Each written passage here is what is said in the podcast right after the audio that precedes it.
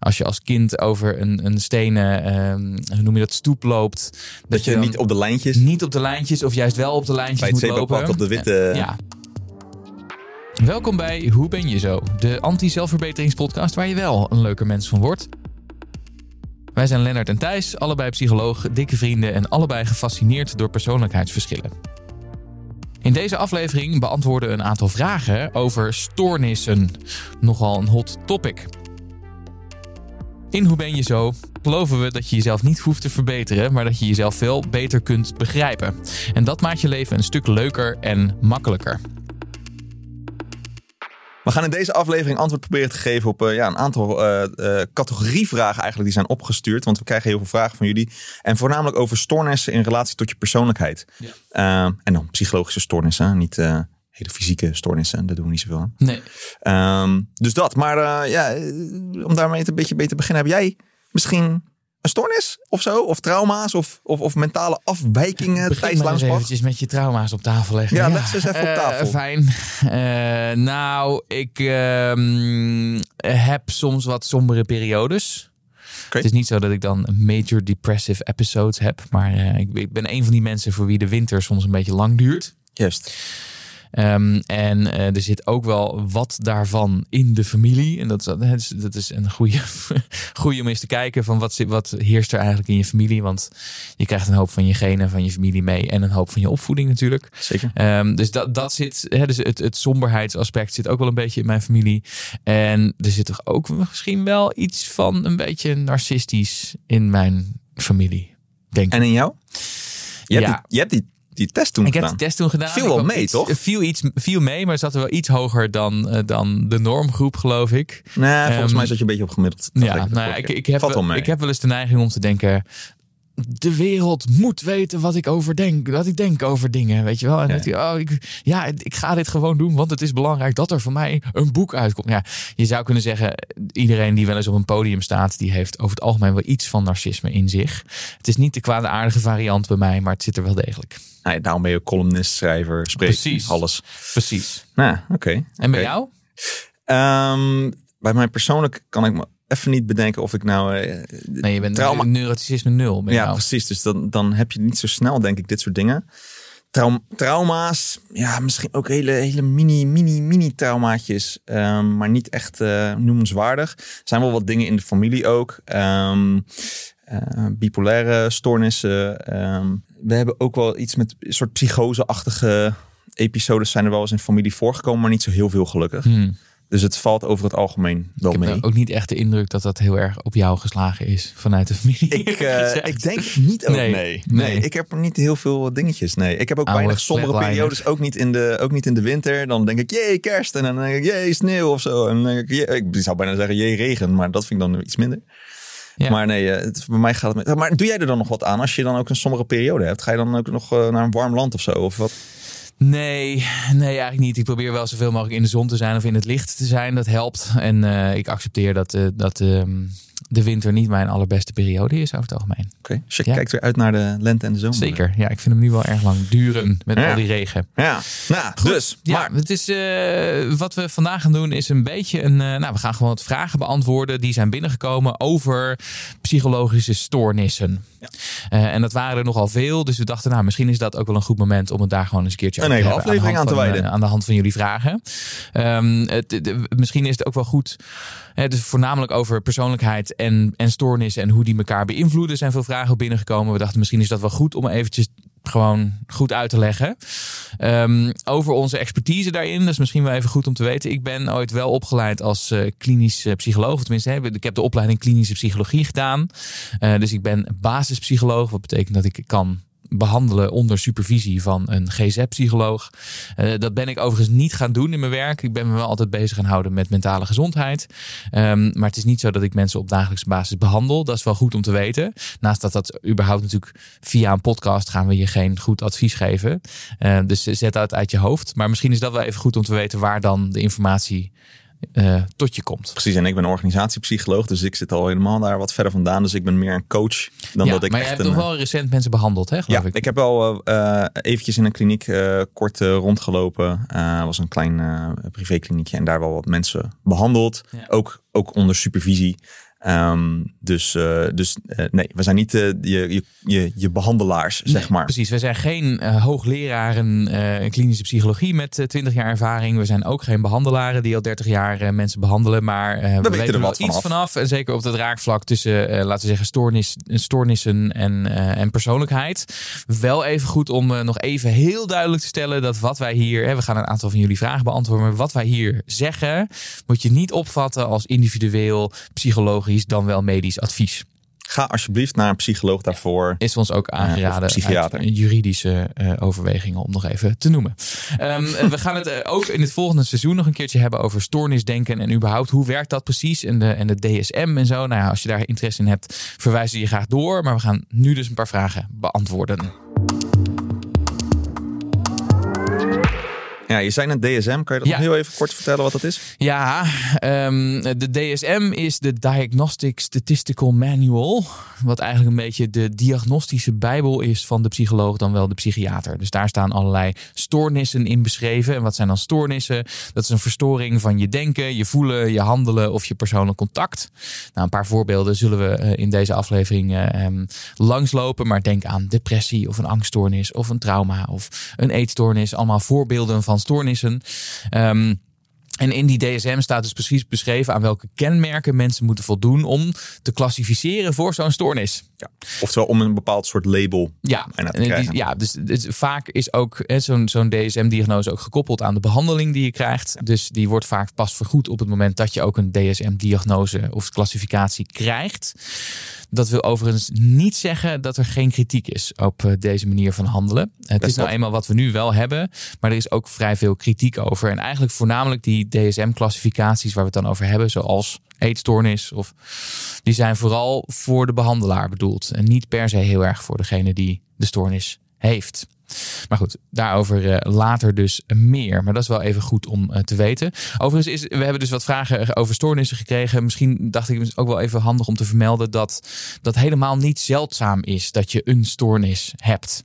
Zeker niet. 40% van alle Nederlanders krijgt in het leven te maken met één of meer psychologische dan wel psychiatrische stoornissen. Of klassificaties heb je het dan eigenlijk over. Mhm. Dus als je daarmee te maken hebt, dan ben je dus zeer zeker niet de enige. Mooi En we krijgen dus nogal wat vragen over de relatie van die stoornissen met persoonlijkheid en hoe dat dan zit. Hoe beïnvloedt je persoonlijkheid de kans dat je een stoornis ontwikkelt? Wat is de invloed van zo'n stoornis dan weer op de ontwikkeling van je persoonlijkheid, et cetera? Ja, misschien nog even goed om te weten, hè, wat is dan, eh, om, om dat nog even scherp te stellen, wat dus persoonlijkheid natuurlijk is. Hè. Het is een heel belangrijk onderdeel van jezelf. Um, uh, en, en gaat over langere tijd is dat ongeveer hetzelfde. Hè? Dus wordt je door gekarakteriseerd. Ja. Uh, kan nog steeds zijn dat je in verschillende situaties dus verschillend handelt. Maar over het algemeen zal je bepaalde gedragingen vertonen. En dat wordt dus vooral bepaald door je genen. Meestal, als we het over de Big Five hebben, is het eigenlijk zo'n 50%. En de andere 50% dus door je omgeving. Wat onder andere ook je opvoeding is. Uh, maar ook in wat voor, ja, uh, wat voor land leef je. Of met wat voor mensen ga je om. allemaal dat soort dingen. En ook natuurlijk onderdeel van je persoonlijkheid is ook intelligentie. Wat dan weer voor 80% uh, uh, wordt opgemaakt uit je genen. Ja. En het overige deel uh, enigszins uit je omgeving. Dus met andere woorden, er zijn meer dingen die jou jou maken Eén daarvan zijn dus die wat, wat langer voortdurende persoonlijkheidstrekken, waar we het veel over hebben in deze podcast. Maar ook bijvoorbeeld je opvoeding, wat je verder meemaakt in je leven, um, hoe je met problemen omgaat. En eh, ook wel dat je misschien soms iets heel akeligs meemaakt, waar je, wat ook nog een, eh, een nasleep heeft. Zijn ook allemaal dingen die bepalen wie je bent, maar niet per se één op één bepalers van je persoonlijkheid. Zo moet je dat zien. Yes. Goed. Alright. Nou, dan, eh, dan de vragen over de verschillende, uh, over de verschillende stories. Gaan we beginnen met de eerste? Ja, laten we doen. En een veel voorkomende, waar veel mensen vragen ook over stellen, gaat over uh, ADHD en ADD. Mm -hmm. nou, we hebben er even eentje van, uh, van Sophia, die, die een vraag heeft ingestuurd, hebben we erbij genomen. Dus willen, willen wij een keertje ADHD behandelen als onderwerp? Nou, bij deze. Um, uh, want die vindt het ook belangrijk dat we daar wat uh, aandacht aan uh, insteken. Ja, zal ik hem even een soort van samenvatten? Ja, dat mag. Uh, Sophia zegt: uh, Ik uh, ben vrouw en heb ADHD. En ik, ik heb daar vaak ook contact over met mede-ADHD'ers in een praatgroep. En wij storen ons vaak een beetje aan de trend die je op social media ziet over zelfdiagnoses. Hè? Mensen die zeggen: Ik heb ADHD, want. En dat is er niet zo heel veel begrip en kennis over wat dat precies is. Um, en vooral niet dat ADHD meer is dan alleen druk zijn. En ADHD kan nogal wat impact op je leven hebben, zeker als vrouw, zegt Sophia.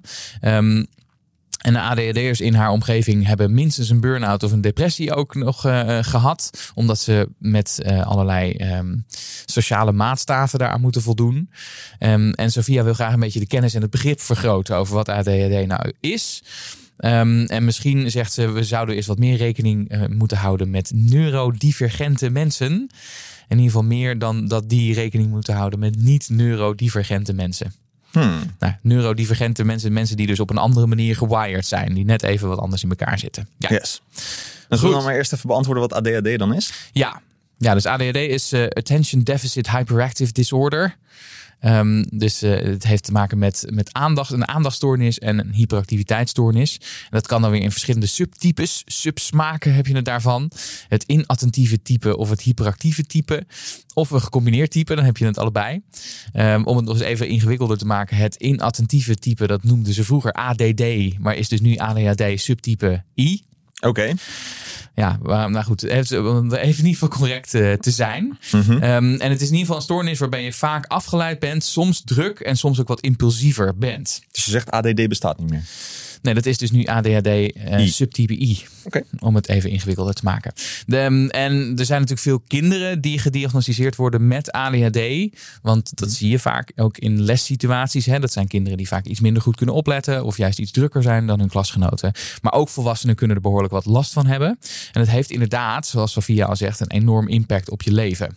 Want je moet jezelf dan in ieder geval een stuk meer organisatievaardigheden aanleren. Om met die inactiviteit, in, eh, hoe noem je dat, in onoplettendheid of die, of die afgeleidheid om te gaan. Dus het zijn vaak mensen die heel erg met planners en agenda's en dat juist heel erg goed doen. Omdat het de enige manier is om het vol te houden met die ADHD. Mhm. Ja.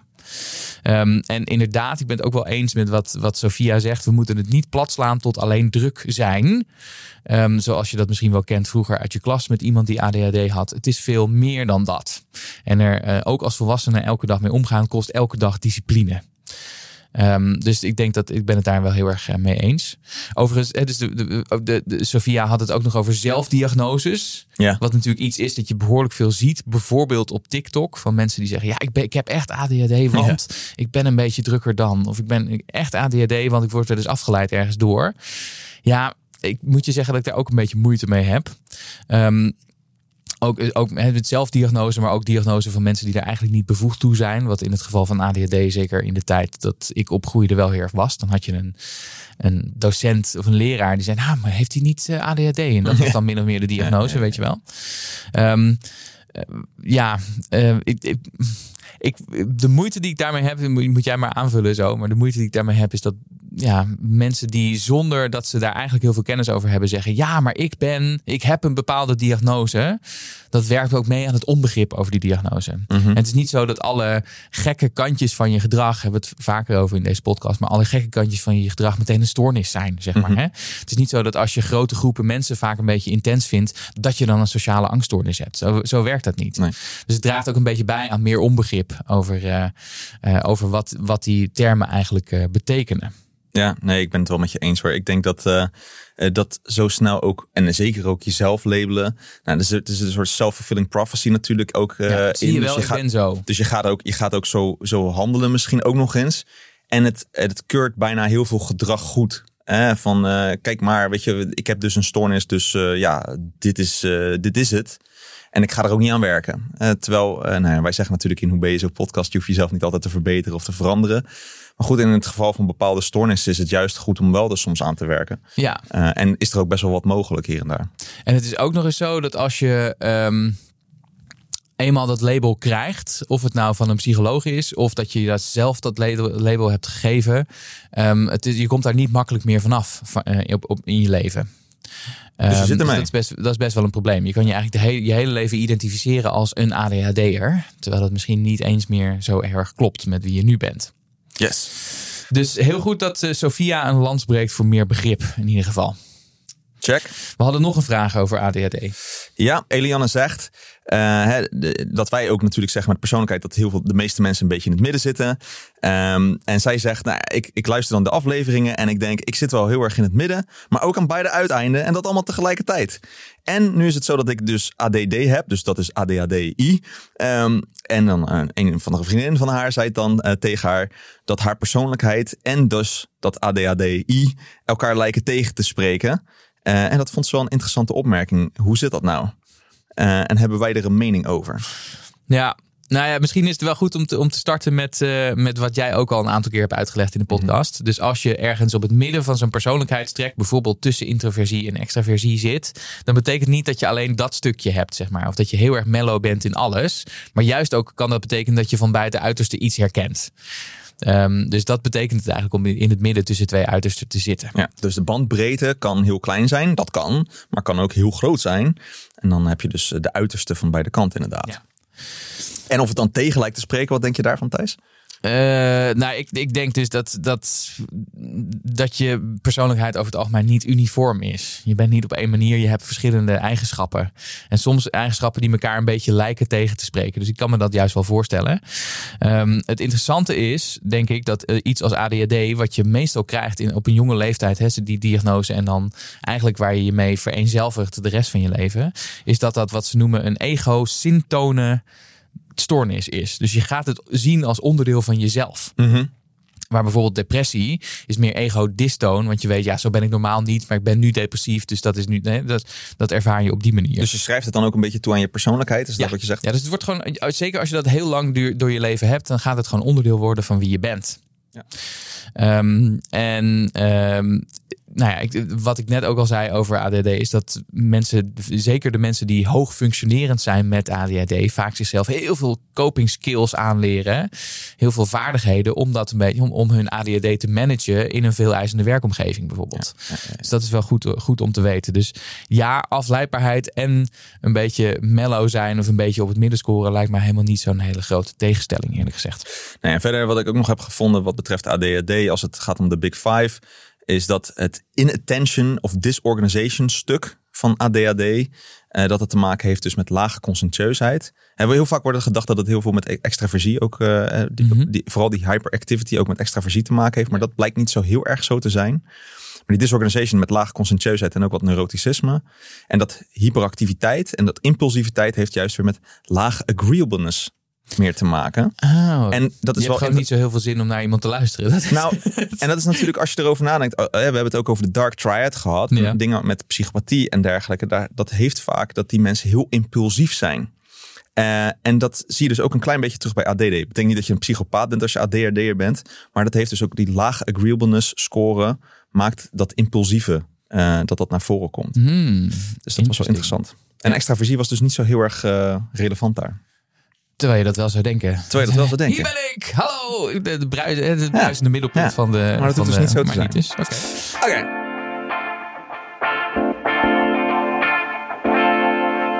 Trauma. Yes, Om volgende. het eens even over trauma te hebben. Ja. Komt zo, we komen zo tot een hele goede vraag. Misschien even iets nogal handig om te vertellen over trauma.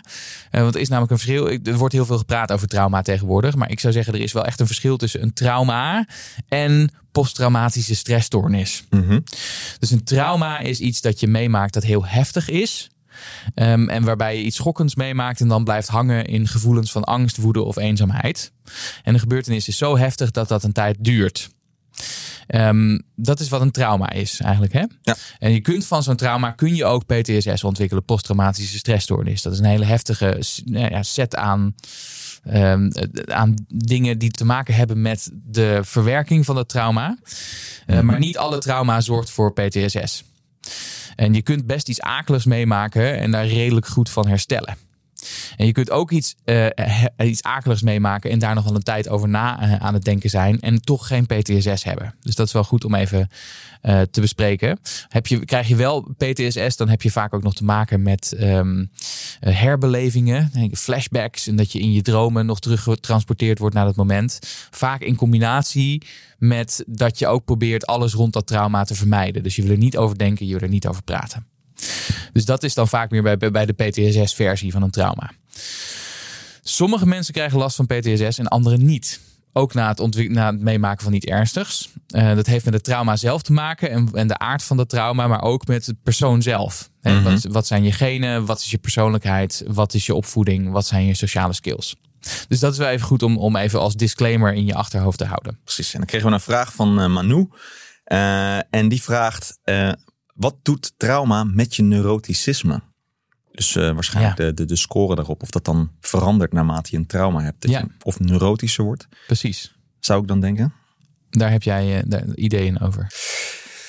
Um, nou, wat we, wat we een beetje weten is als, als in gevallen van wel echt als je PTSS krijgt, nou, hè, dan, dan gaan mensen dus uh, die, die vertonen vaak ook meer angstigere of bozere, hè, meer emotionelere emoties. Um, uh, dus dan, dan voelt het misschien een beetje als een hogere neuroticisme score. Als je die mensen dan op dat moment zou meten in een persoonlijkheidstest, komen ze daar dus misschien wel wat hoger uit.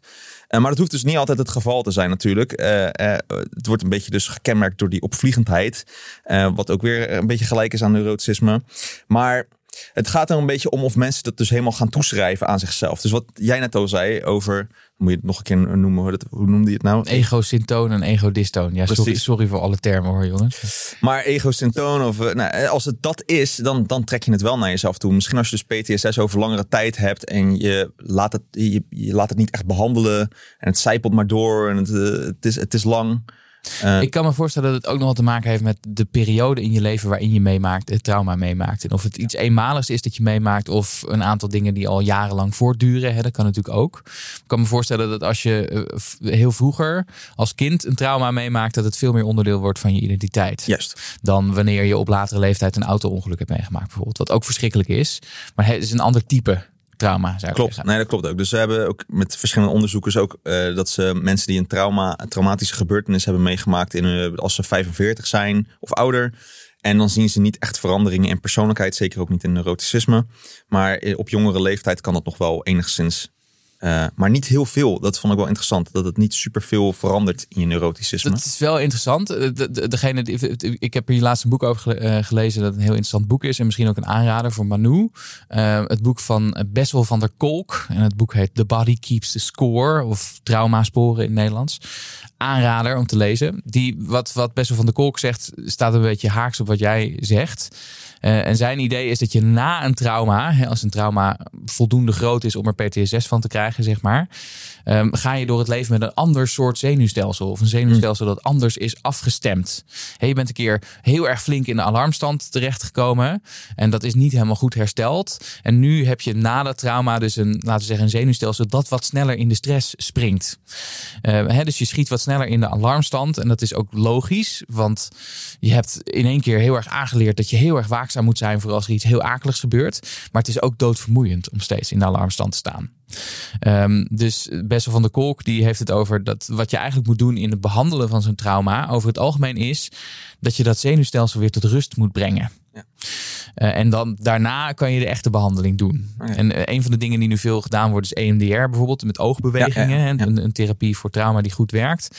Maar hij raadt eigenlijk aan allerlei andere dingen die dus te maken hebben met je zenuwstelsel rustiger maken. Dus meditatie, massage, samen muziek maken, theatertherapie. Soms wel, hij raadt ook nog psychedelica aan. Daar is over, overigens een hele interessante documentaire over. Over het gebruik van psychedelica bij traumabehandeling. Die heet Trip of Compassion. Zullen we ook nog allemaal even in de, in de show, notes zetten hoor. Ja. Maar dan zie je dus een, behandel, een MDMA-behandeling van een trauma. Door een getraumati- van, van een getraumatiseerde um, soldaat, een soort een, een Israëlische soldaat. Fascinerend. Je ziet ook echt gewoon letterlijk de, de therapie-sessies, zeg maar. Het is echt vet dat. fascinerend. Oké. Dus in antwoord op de vraag van uh, Manu, trauma kan vooral vroeg in de ontwikkeling zorgen voor meer neuro neuroticisme, zou ik zeggen. Mhm. Maar hoger scoren op neuroticisme kan er ook voor zorgen dat je snel, uh, dat je minder snel een trauma kunt verwerken als die zich voordoet. Ja. Dus het gaat eigenlijk twee kanten op.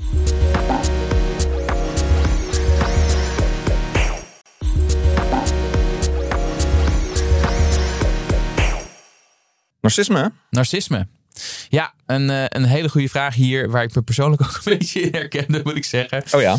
Um, van uh, Jonathan, die al eerder een vraag heeft gestuurd. Um, En die zegt, uh, ik ben bezig met het verwerken van het trauma. We hebben het weer over trauma, net zoals net. Uh, te zijn opgevoed door een narcistische vader. Uh, het contact is verbroken, maar sinds een paar maanden heb ik pas de ballen om dit te verwerken, zegt Super hij. knap. Um, en te ontwikkelen op vlakken waar ik nooit de kans heb gehad om mezelf te ontwikkelen. Ik ben er nu achter dat ondanks dat ik door de jeugd, die ik met name onzeker en gericht op anderen ben, uh, ik ook wel wat narcistische trekjes heb, met name in romantische relaties. Ik zoek hier al hulp voor bij een therapeut, maar hoe zorg ik volgens jullie dat ik niet zo word als mijn vader? Wat een ja, vraag, hè? Dat is wel een heftige vraag. Weet je, heb, jij, heb jij associaties? Nou ja, ik vind al dat, dat je al bezig bent om naar een therapeut te gaan en er al hulp voor zoekt. En er ook op deze manier best wel wat open over bent. Ja, dat voelt voor mij al dat je niet zo heel erg van die narcistische trekjes laat zien. Um, dus ik denk dat wat je nu aan het doen bent, dat dat al helpt. Het getuigt in ieder geval van genoeg zelfreflectie. Juist. Om er in ieder geval mee aan de slag te gaan. En dat pleit al heel erg voor je. Ja, ja ik, ik moest. Uh, ik, ik vind het een hele interessante en mooie vraag, denk ik ook. En dus ook een beetje herkenbaar. Want ik zei net al in het begin. Narcisme zit een klein beetje in mijn familie. Um, uh, niet zozeer van mijn, uh, van mijn vader, maar meer de, de, de verdere familie. Um, even uh, nog wel goed om, want deze, deze vraagsteller Jonathan vraagt: hoe word ik niet zoals mijn vader? We geven geen persoonlijk, individueel psychologisch advies in deze podcast. Dat moet ik wel even zeggen. Maar het is wel een interessant onderwerp. Ja, en het is sowieso natuurlijk zo dat we opgezadeld worden met de shit van onze ouders. Yep. Of dat nou narcisme is, of afhankelijkheid, of uh, heel streng, of juist te laks, of geen aandacht, of wel veel te veel aan. We hebben te maken met, met de shit waar onze ouders ons um, mee hebben opgezadeld. En soms is dat niet eens hun eigen shit, maar hebben ze dat ook weer doorge, doorgegeven gekregen van hun ouders. Um, en daar, daar ik, ik, ik, heb het altijd een geruststellende gedachte gevonden dat je daar dus iets mee mag doen in je eigen leven, maar het hoeft niet. Zeg maar, je hoeft niet alle trauma's in je hele familiegeschiedenis op te helderen. Of alle onhebbelijkheden. Dat vind ik ook wel een goede, fijne gedachte. Um, ander, ander denk ik iets over, over narcisme. Want daar gaat deze vraag wel heel erg over. Er is een verschil, ook weer hier, tussen narcistische trekjes en een narcistische persoonlijkheidsstoornis. En uh, ik zou zeggen, narcistische persoonlijkheidsstoornis, dan heb je dermate veel last van je narcisme, dat je er zelf in je leven last van hebt. Vaak met narcisme, dat de mensen om je heen daar heel veel last van hebben. Maar wat narcistische trekjes hoeft niet heel erg erg te zijn. Um, sterker nog, die zijn soms best wel prima, zolang het niet de boel overneemt en zolang het bewust is, wat in dit geval dus het geval is. Dus bewust reflecteren en soms, oh ja, dus soms kunnen kiezen om net een beetje anders te handelen dan wat je neiging zou zijn, um, is eigenlijk heel belangrijk, denk ik hier. Uh, en er zijn ook wel wat therapieën waarin je dat juist heel erg leert. Bijvoorbeeld een therapie die heet Mentalization-Based Treatment. Gaat juist over, oh ik raak nu in de spanning. Mijn neiging zal zijn om alles naar me toe te trekken of om narcistisch te doen. Nou weet ik dat van mezelf. Nou kan ik bewust kiezen voor ander gedrag, zeg maar. Um, Uh, nou, en, het raakt me dus ook een beetje persoonlijk, deze, deze vraag. Uh, want ik, ik heb zelf ook wel eens deze vraag gehad. Van hey, um, ik weet dat dat een beetje in de familie speelt. Um, um, en, en ik heb dat ook wel aan mijn eigen therapeut gevraagd. Van hey, moet ik me daar zorgen over maken? Haar antwoord was, zolang je het weet van jezelf, hoeft er weinig mis te zijn. En je narcistische trekjes zorgen soms ook dat je juist het voortouw neemt. En dingen doet die niemand anders durft. En dat is juist goed. Maar als je in zak en as terechtkomt, dan is het waarschijnlijk wel een valkuil, die narcistische neigingen. Nou ja, het klinkt wel alsof deze vraagsteller aan het afrekenen is met, uh, met de invloed van wat het betekent om met een narcistische ouder op te groeien. Um, klinkt ook als een goede aflevering, of een goede, goed uh, onderwerp om nog eens een keer wat dieper op in te gaan in een aflevering, denk ik. Zeker weten. Thanks, uh, Jonathan, voor je ja. mooie vraag.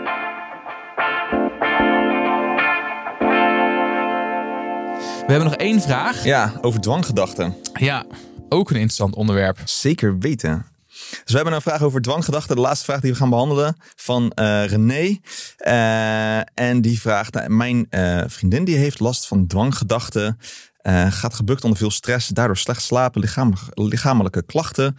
Um, en ik gun haar juist dat ze meer uh, rust in haar leven kan vinden. Kunnen jullie daar wat over vertellen? Zeker kunnen we dat. Overigens staat er in de vraag van René niet zijn vriendin, maar, of haar vriendin, maar mijn beste vriendin. Dat is nog wel even een klein verschil.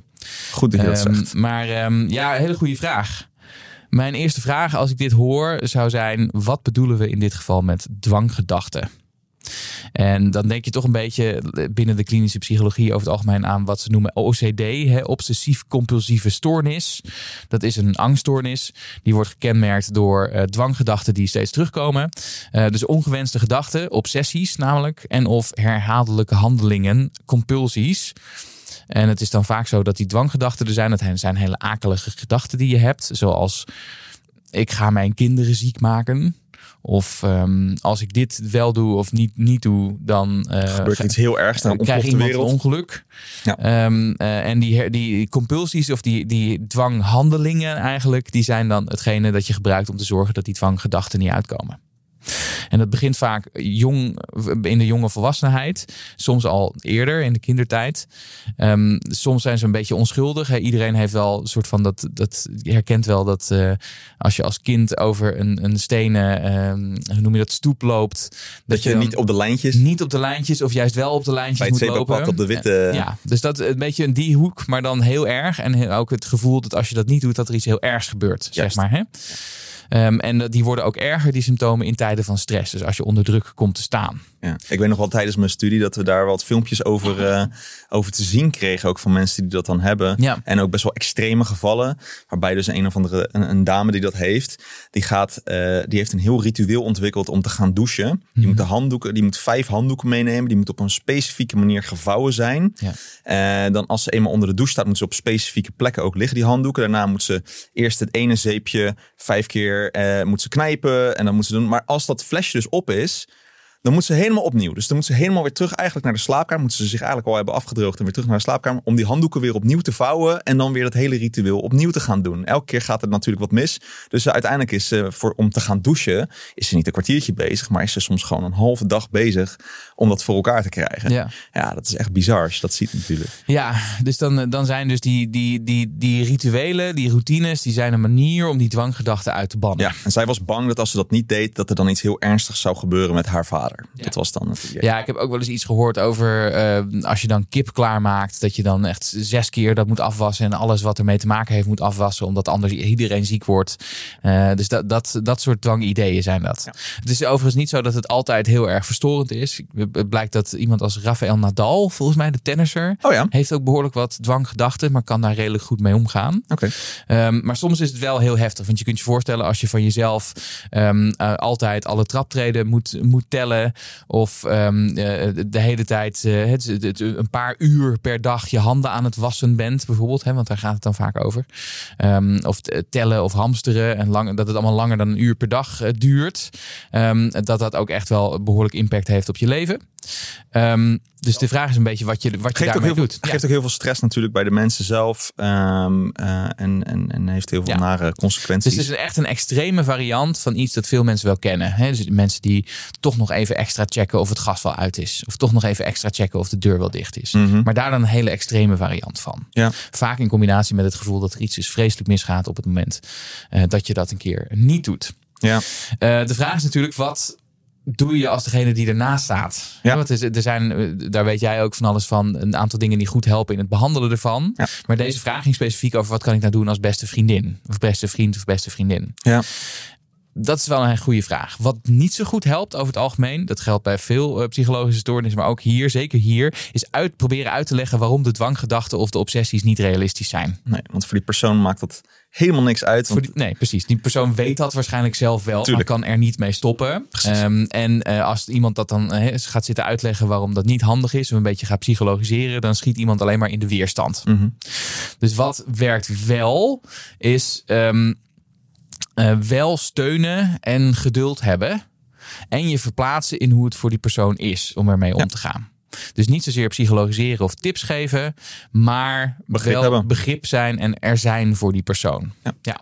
ja en de persoon zelf, hè, wat we in ieder geval zien bij, uh, bij OCD, wat daar eventuele behandelingen die werken voor zijn uit de literatuur, is dat uh, cognitieve gedragstherapie uh, wel aardig lijkt te werken, ook op de lange termijn.